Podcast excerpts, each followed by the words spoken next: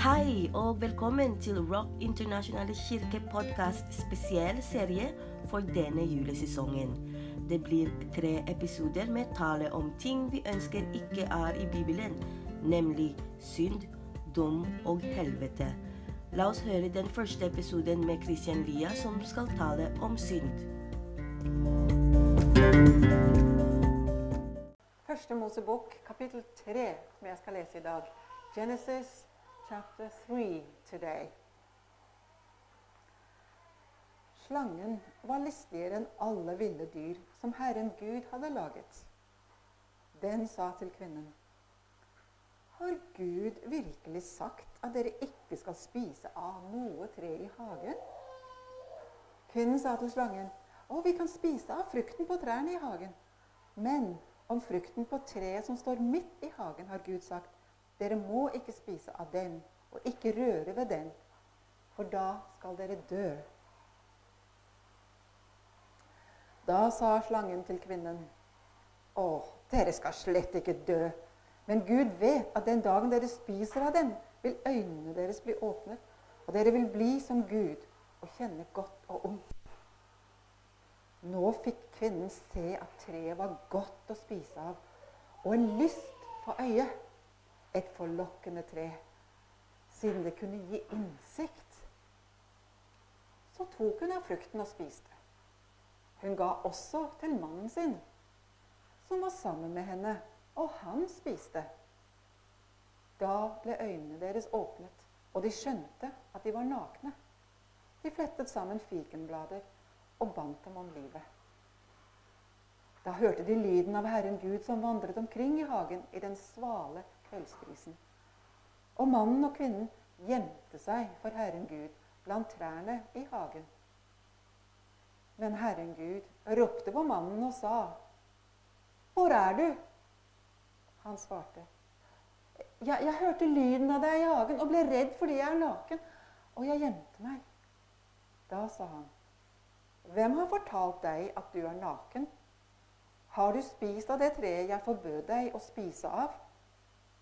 Mannen svarte, 'Og kvinnen som du ga meg å være med, hun ga meg et tre, og jeg spiste.' Herren Gud spurte kvinnen, 'Hva er det du har gjort?' Kvinnen svarte, 'Slangen narret meg, og jeg spiste.' Da sa Herren Gud til slangen, 'Forbannet er du, utstøtt fra alt fe og alle ville dyr, fordi du gjorde dette. På buken skal du krype, og støv skal du spise alle dine levedager.' Jeg vil sette fiendskap mellom deg og kvinnen, mellom din ett og hennes ett. Den skal ramme ditt hode, men du skal ramme dens hæl. Til kvinnen sa han, Tungt vil jeg gjøre ditt strev når du er med barn. Med smerte skal du føde. Du skal begjære din mann, og han skal herske over deg. Og til mannen sa han, fordi du hørte på kvinnen og spiste av treet som jeg forbød deg å spise av, er jorden forbannet for din skyld. Med strev skal du nære deg av den alle dine levedager. Den skal la torn og tistel spire fram for deg, og du skal spise det som vokser på marken. Med svette i ansiktet skal du spise ditt brød, inntil du vender tilbake til jorden. For av den er du tatt. Støv er du, og til støv skal du vende tilbake. Mannen kalte kvinnen Eva, for hun ble mor til alt som lever. Herren Gud laget klær av skinn til mannen og kvinnen oppkledde dem. Herren Gud sa, Se, mennesket er blitt som en av oss og kjenner godt og ondt.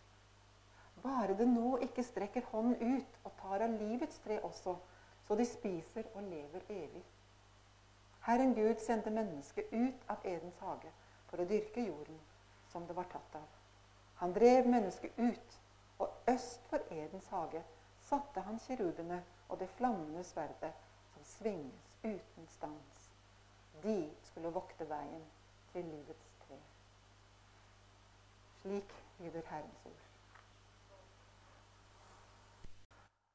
For dere som har sett på nyheter de siste fire månedene, så har det ikke vært å unngå at det har vært en del styr rundt politikere og de som har skaffa seg urettmessig pendlerleiligheter. Dem har, eh, det får de av Stortinget helt gratis, og det er mer skattebetalere som betaler for det.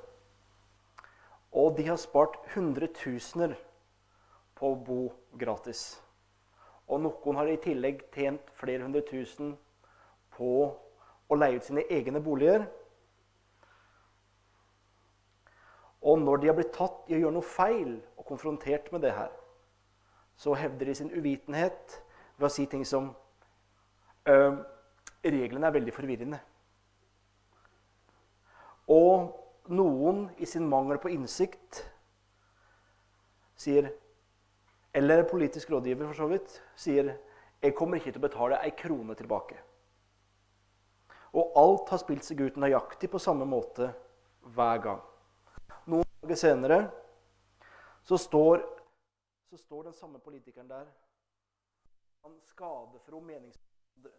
Ja, men da står i hvert fall samme politiker foran et fullt pressekorps og skadefro meningsmotstandere som gleder seg til å slå politisk mynt på det her. Pressa roper etter blod, og politikeren står der med makaronitryne. De står med gråtkvalt stemme og sier Jeg har gjort noen uh, feil vurderinger. Jeg er lei meg. Jeg skal betale. Og noen med litt dårligere selvinnsikt står der og sier dere får høre fra min advokat. For igjen, noen dager seinere, komme med det samme makaronitrynet, dodderøynene, stå foran det samme pressekorpset og si 'Jeg tar ansvar for mine handlinger, og jeg går'.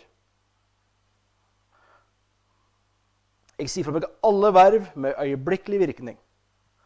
Og på et lite øyeblikk, av deres egne uh, ord, eller i deres egne ord, da, pga. en dårlig vurdering, er de kasta ut av det gode selskap.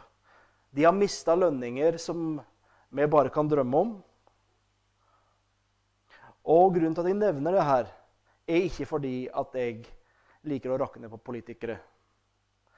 Meningen er Nei, er ikke det, for de jobber hardt for at vi skal ha det bra i Norge, og at Norge skal være et godt land å bo i. Men det får peke på noe dagens tekst som vi snart skal se på, viser oss. Og det at synd er en ekstremt ødeleggende kraft. For politikere så er det et dumt utsagn, en større eller mindre feilvurdering, og de er kasta rett ut av det politiske paradiset. De står, i hvert fall billedlig talt, håper jeg, nakne, ikke på ordentlig, selv om noen har gjort det også. Og de har alle sine feil og mangler eksponert. Og de større og mindre feilvurderingene vi har fått et dypdykk i de siste månedene, kommer dypest sett av noe så enkelt som synd. For de tenker at 'Æ, jeg fortjener det'. Ja, det er ikke helt riktig, men jo da, vi, vi prøver. Og det går gærent. De blir oppdaga, kasta ut. Dagens preken har jeg kalt for 'Øst for Eden'. For det er der vi og våre politikere er i dag, og det er derfor vi har de problemene vi har. I de første versene, eller vers 1-13 av kapittel 3 første Mosebok, så ser vi jo hvordan ting går gærent. Men allerede i kapittel 2, vers 16 og 17, så sier Gud til Adam du må gjerne spise av alle trærne i hagen, men av treet til kunnskap om godt og ondt må du ikke spise. For den dagen du spiser av det, skal du dø. Så Adam blir fortalt det her før Gud skaper Eva. Det er Adams ansvar å si fra til Eva om det her. Og som vi ser, sjøl om slangen beskrives som det, det listigste dyret av alle, når han kommer og spør Eva er det virkelig sånn at dere ikke kan spise av noe tre i hagen, så vet Eva at det ikke er sant. Eva svarer at de kan spise alt i hagen, bortsett fra treet til kunnskap om godt og ondt. For hvis du gjør det, da skal du dø.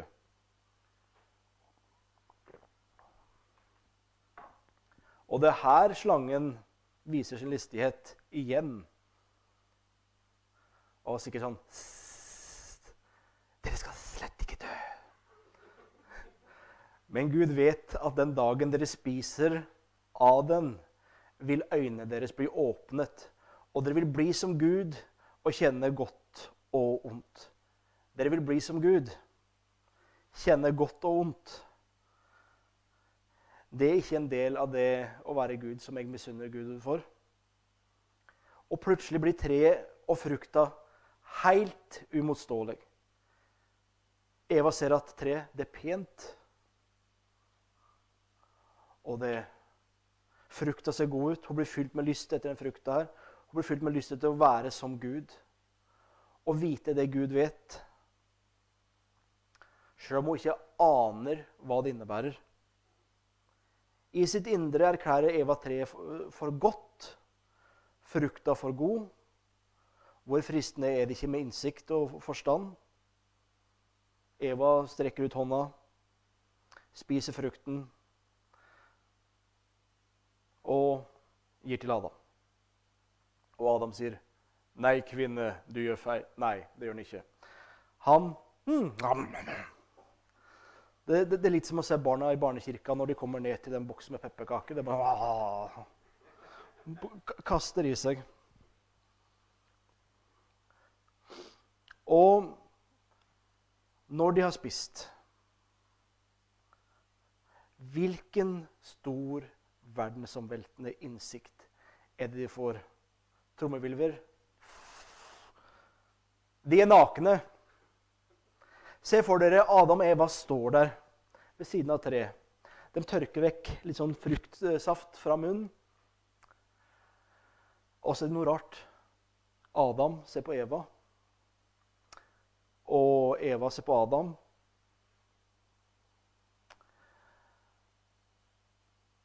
Og plutselig så hever de seg inn i hver sin busk og begynner å desperat å flette fikenblader for å lage undertøy.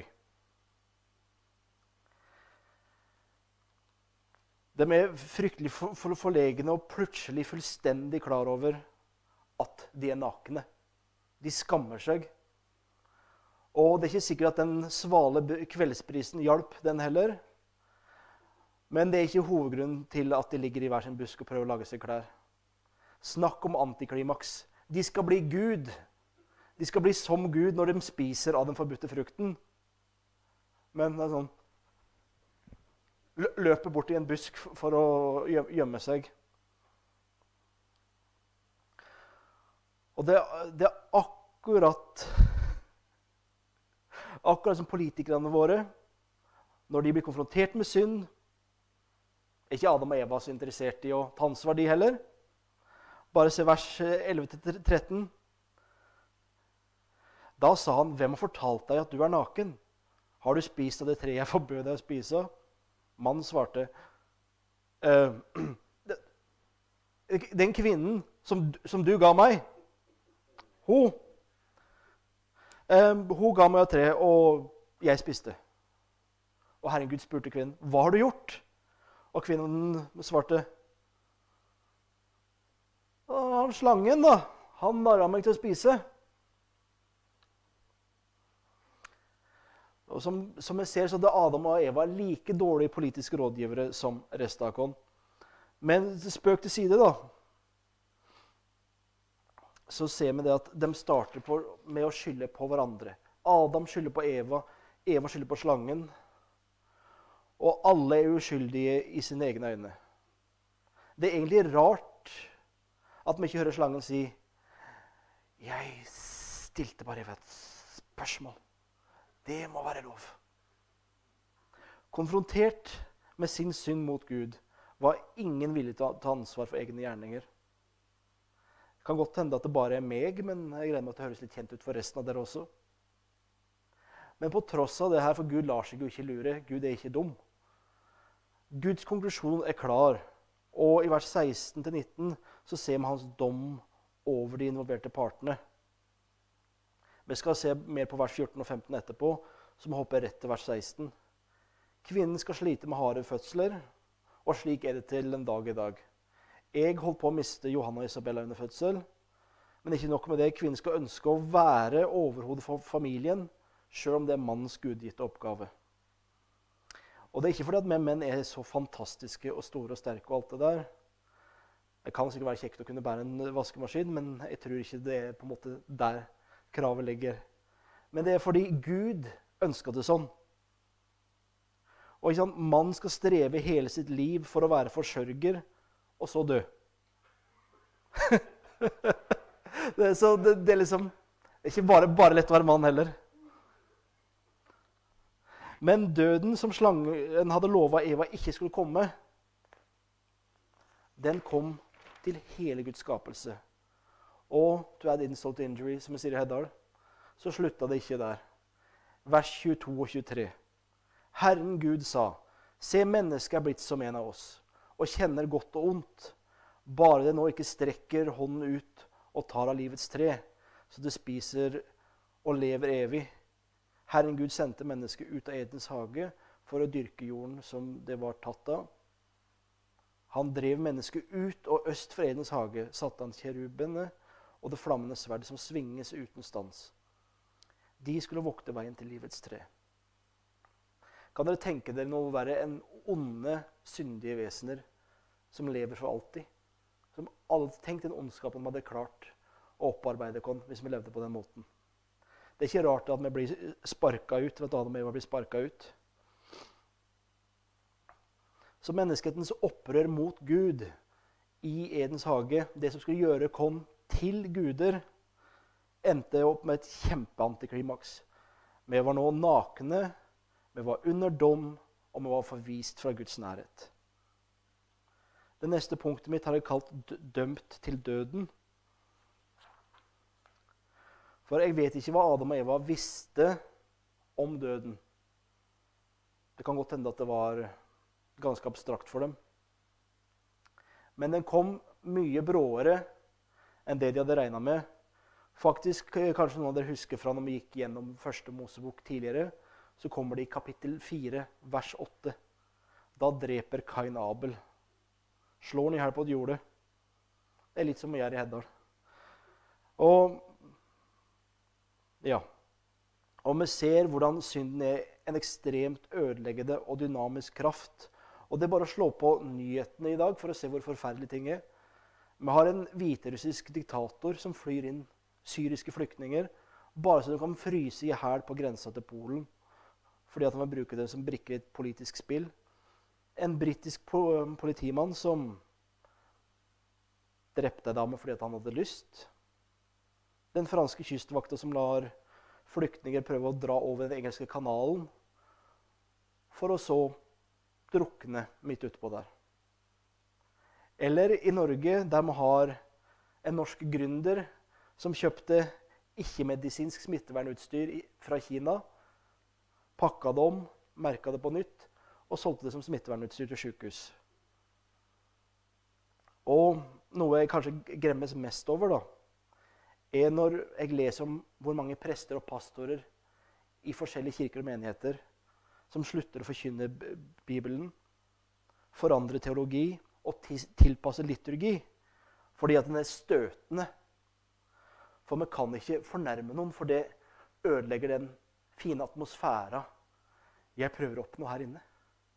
Vi skal ha en god atmosfære. Og de ønsker å unngå de temaene vi skal prate om de neste tre ukene. Synd, dom og helvete. Og jeg forstår det. For jeg er en synder som står her og forteller dere at dere er syndere. Og jeg vet om all min egen synd, i hvert fall mesteparten av den. Så det er nesten så jeg er flau når jeg, eller jeg er flau når jeg står her. Og jeg, det hadde vært så deilig å kunne stått her og pekt på de andre der ute og på en måte ikke måtte tenke på oss som er her inne.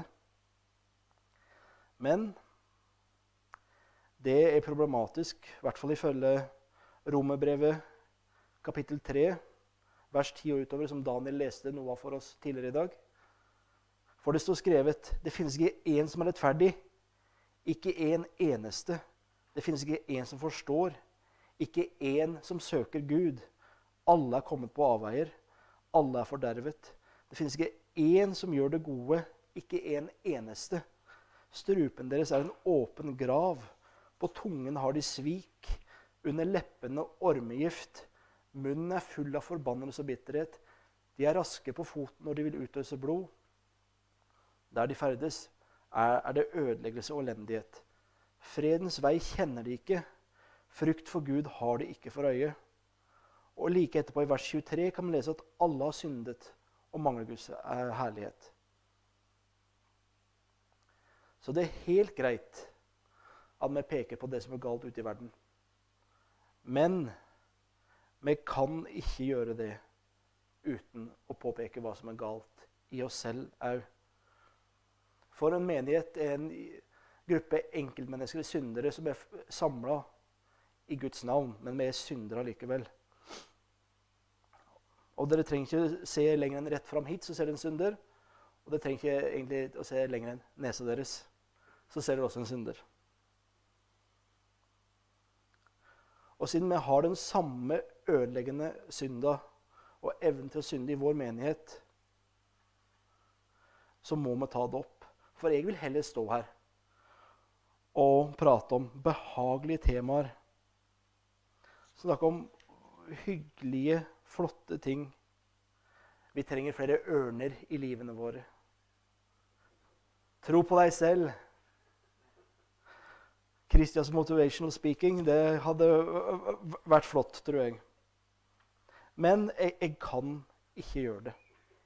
For Fordi at vi har ekteskap som går i stykker. Relasjoner som går i stykker. Vi har avhengighet, grådighet, seksuell synd, arroganse, sinne, hat, løgn osv. Bare her i menigheten. Og evne til all mulig synd. Og derfor så må vi begynne med oss sjøl. For vi ser at synd den fører til sykdom, den fører til død og elendighet. Og når jeg snakker om sykdom, Sykdom er en måte å drepe oss på. Det er en måte å oppnå døden. Så, og det skjedde, den kom når skaperverket, skaperverket falt i synd. Kroppene våre falt. Vi blir sjuke. Vi dør. Og sjøl om det absolutt er mulig å synde på seg sykdom, som f.eks. å drikke seg eh, full krasje eh, eller sette seg inn i bilen, kjøre, brette bilen sin rundt et tre. Da kan du dø. Du kan bli paralysert. Du kan um, Ja, for eksempel, da. Så er det ikke sånn at du hater på deg bukspyttkjertelkreft eller lyger på deg et hjerteinfarkt. Det er ikke det som er poenget. Poenget er at synden dreper oss på, på hvilken som helst måte. Men det er ikke bare fysisk sett synden dreper oss.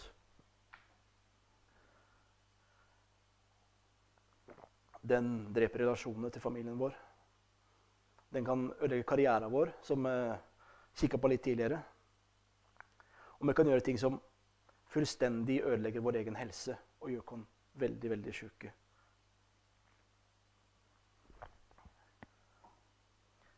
Et eksempel på det er kjønnssykdommer der vi kan vi kan miste evnen til å få barn osv. Vi, vi har narkotika som kan ødelegge, ødelegge oss. Mye sånn forskjellig. Og problemet med synd er det at synd ligner ikke på Gollum fra 'Ringenes herre'. Synd er mer som Patrick Dempsey fra Grace Anatomy. Høy, mørk, kjekk, mystisk. Det er noe attraktivt. Det er noe vi vil um, ha selv om det ikke er bra for oss. Selv om vi blir fortalt at det her må vi ikke gjøre. Og på tross av det så gjør vi akkurat det samme som Eva gjorde i kapittel 3. Vi har hørt det er farlig. Det kan ødelegge forholdet vårt til Gud. Men etter litt betenkningstid Jeg tror det er en god idé. Så gjør vi det med synder. Og det er spennende. Det er egentlig litt fint. Men så legger spenninga og gleden seg. Og en halv dag med moro, eller hva det er for noe, er over. Vi står igjen der skamfulle, nakne, med vissheten om at vi skal dø. Og i vår kraft er det her vi befinner oss. Vi er forvist fra Guds nærvær. Vi er øst for Eden, vi er i dødsskyggenes dal. Og det her er en evig kamp. Så hvis det er noen trøst, så trenger dere bare å kjempe med synden så lenge dere lever. Og det, har bestandig vært en kamp, og det er en kamp mellom verden, det er en kamp mellom kjøttet, og det er en kamp mellom, eh, og med, med, djevelen, står det i hvert fall i Efeserbrevet. Eller jeg får si Satan, siden jeg skriver Satan hele veien ellers her. Og alle de tre ønsker at vi skal falle i synd. Likevel så ser vi at den mest dominante faktoren og den mest potente årsaken til at vi synder, vet du hva det er? Hva tror dere, tror, tror dere det er? Djevelen, verden eller oss? Caleb?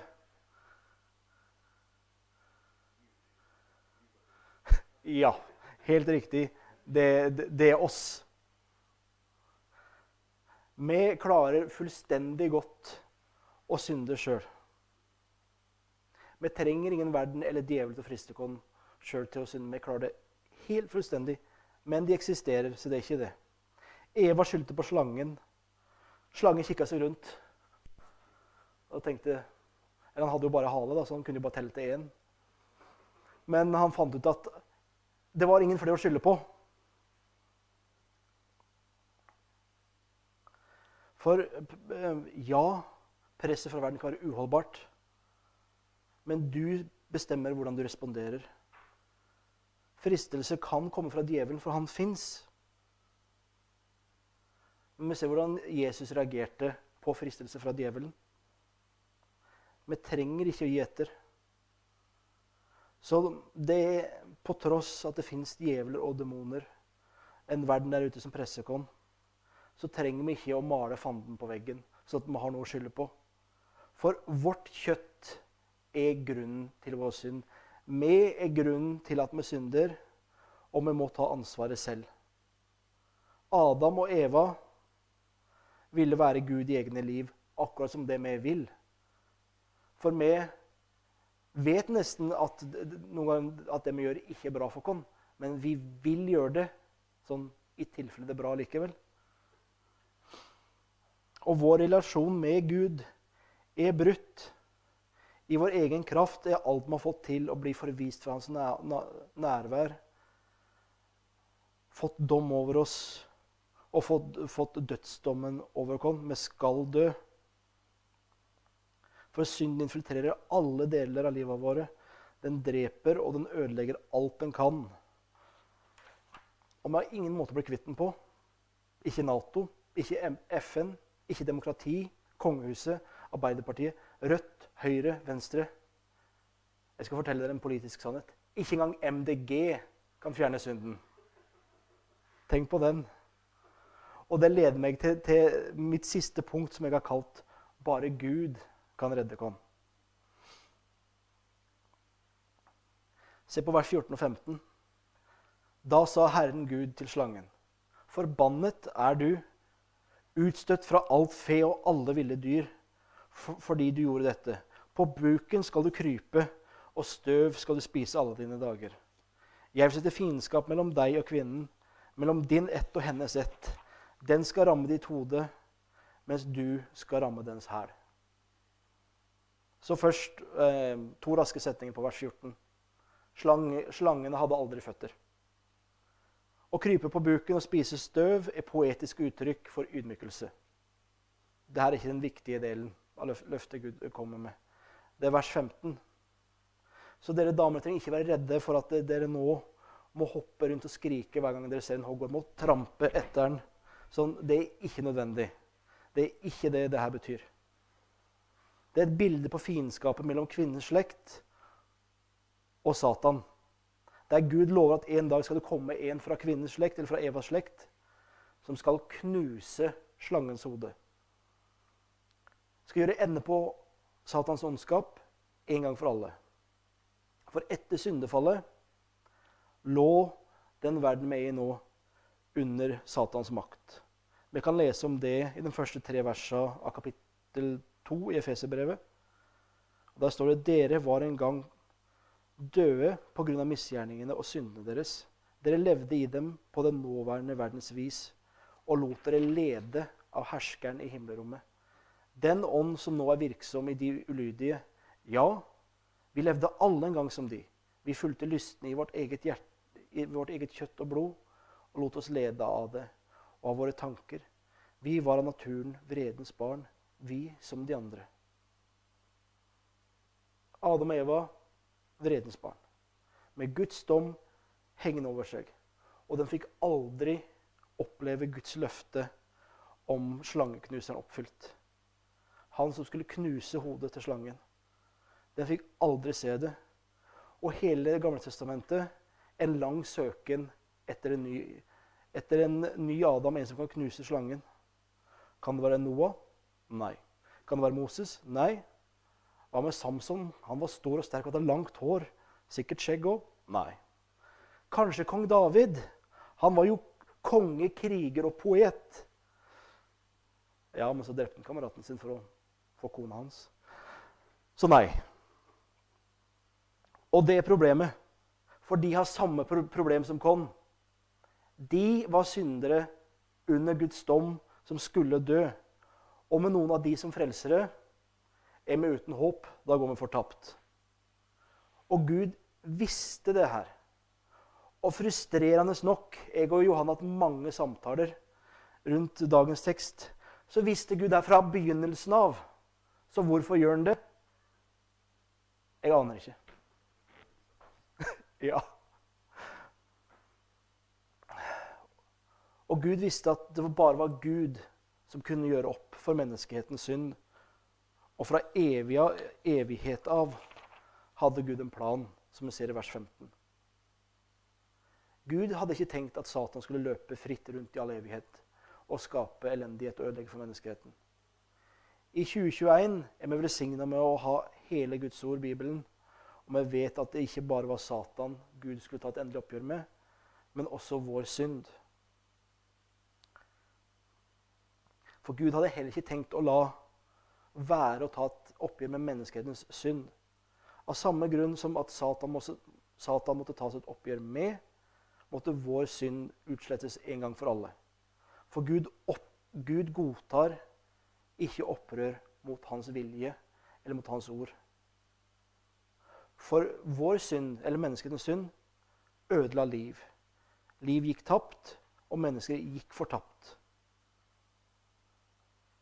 Så sjøl om Eva kun blei lova en som skulle ødelegge slangen en dag i fremtida, hadde Gud en mye større plan. I evangeliene så ser vi han som skulle komme, og ha en relativt slitsom, slitsom jobbeskrivelse. Det er ikke en jobb jeg hadde søkt på. Han skulle være konge. Det er jo kult. Han skulle være frelser. Da begynner det å bli litt slitsomt. Så skulle han være lidende tjener. Det, nei, nei takk. Men vi vet at han som oppfylte den, var Jesus. Han var konge, lidende tjener og Messias. Alt på en gang. Teologisk kinderegg, vil jeg kalle det for. Og han kom til verden som et menneske og Gud. Født av ei kvinne, unnfanga av Den hellige ånd. Han, Jesus levde et liv i fullstendig lydighet og kjærlighet til Gud. Som, og som den første Adam i første Mosebok ble også Jesus frista av Satan. Men i motsetning til Adam lot ikke Jesus seg friste. Eller han falt ikke for fristelsen. Han falt ikke i synd. Satan hadde ingen makt over ham. Og Jesus overvant Satan. Og ved å ikke la seg friste ved å leve et hellig liv, ved å dø på korset, tok Jesus våre synder. Han tok straffen vår. Han tok sykdommene. Han tok Guds hellige vrede. Og han gjorde veien til Gud åpen igjen. Den dagen vi kommer til Gud, så står det ingen engel med et flammende sverd og Vi blir sluppet helt inn. Hvis er Jesus, hvis vi tror på Jesus. For når vi vender om fra syndene våre og tror på Jesus, blir hans død for våre synder gyldig for oss, og vi mottar hans liv og vår frelse i gave.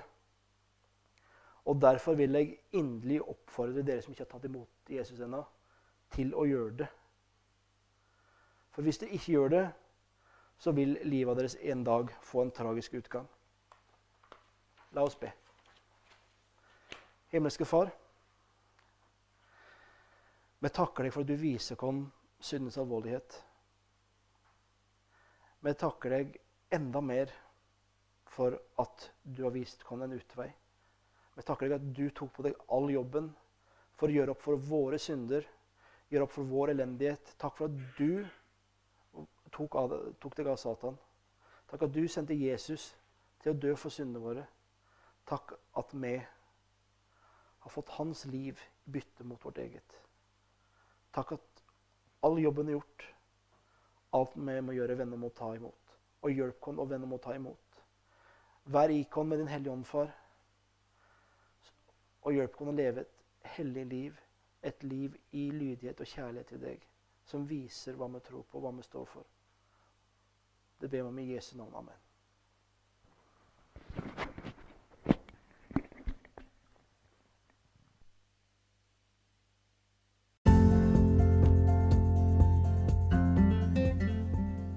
For at dere var med og høre denne episoden om synd. Håper dere har lært noe nytt og har forstått hvor synd kom fra. Og la denne episoden være et minne at det er et håp. Og håpet kommer fra Jesus, ikke fra oss. Og hvis du har spørsmål, følg oss på Facebook, Rock International Church, og skriv oss melding hvis du vil. Ha en fin dag.